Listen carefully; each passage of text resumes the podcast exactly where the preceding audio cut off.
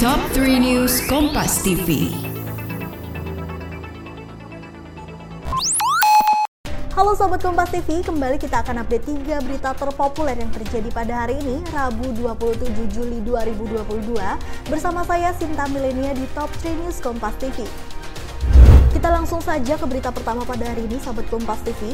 Otopsi ulang jenazah Brigadir Yosua Huta Barat atau Brigadir J selesai dilakukan di Jambi. Proses otopsi jenazah Brigadir J atau Joshua dilakukan di RSUD Muaro Jambi. Tim dokter forensik menyebut proses pemeriksaan hasil otopsi akan berlangsung beberapa pekan. Otopsi ulang dilakukan atas permintaan pihak keluarga melengkapi laporan dugaan pembunuhan berencana yang menewaskan Brigadir Yosua atau Brigadir J. Hari gini masih ketipu investasi bodong, masih susah atur keuangan, investasi, klaim asuransi, dan update isu finansial? Dengerin podcast cuan, cari untung bareng teman. Persembahan media by KG Media dan Motion FM di Spotify.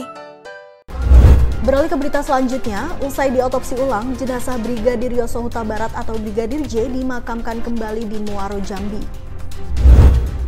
Pemakaman jenazah Brigadir J dilakukan secara kedinasan kepolisian.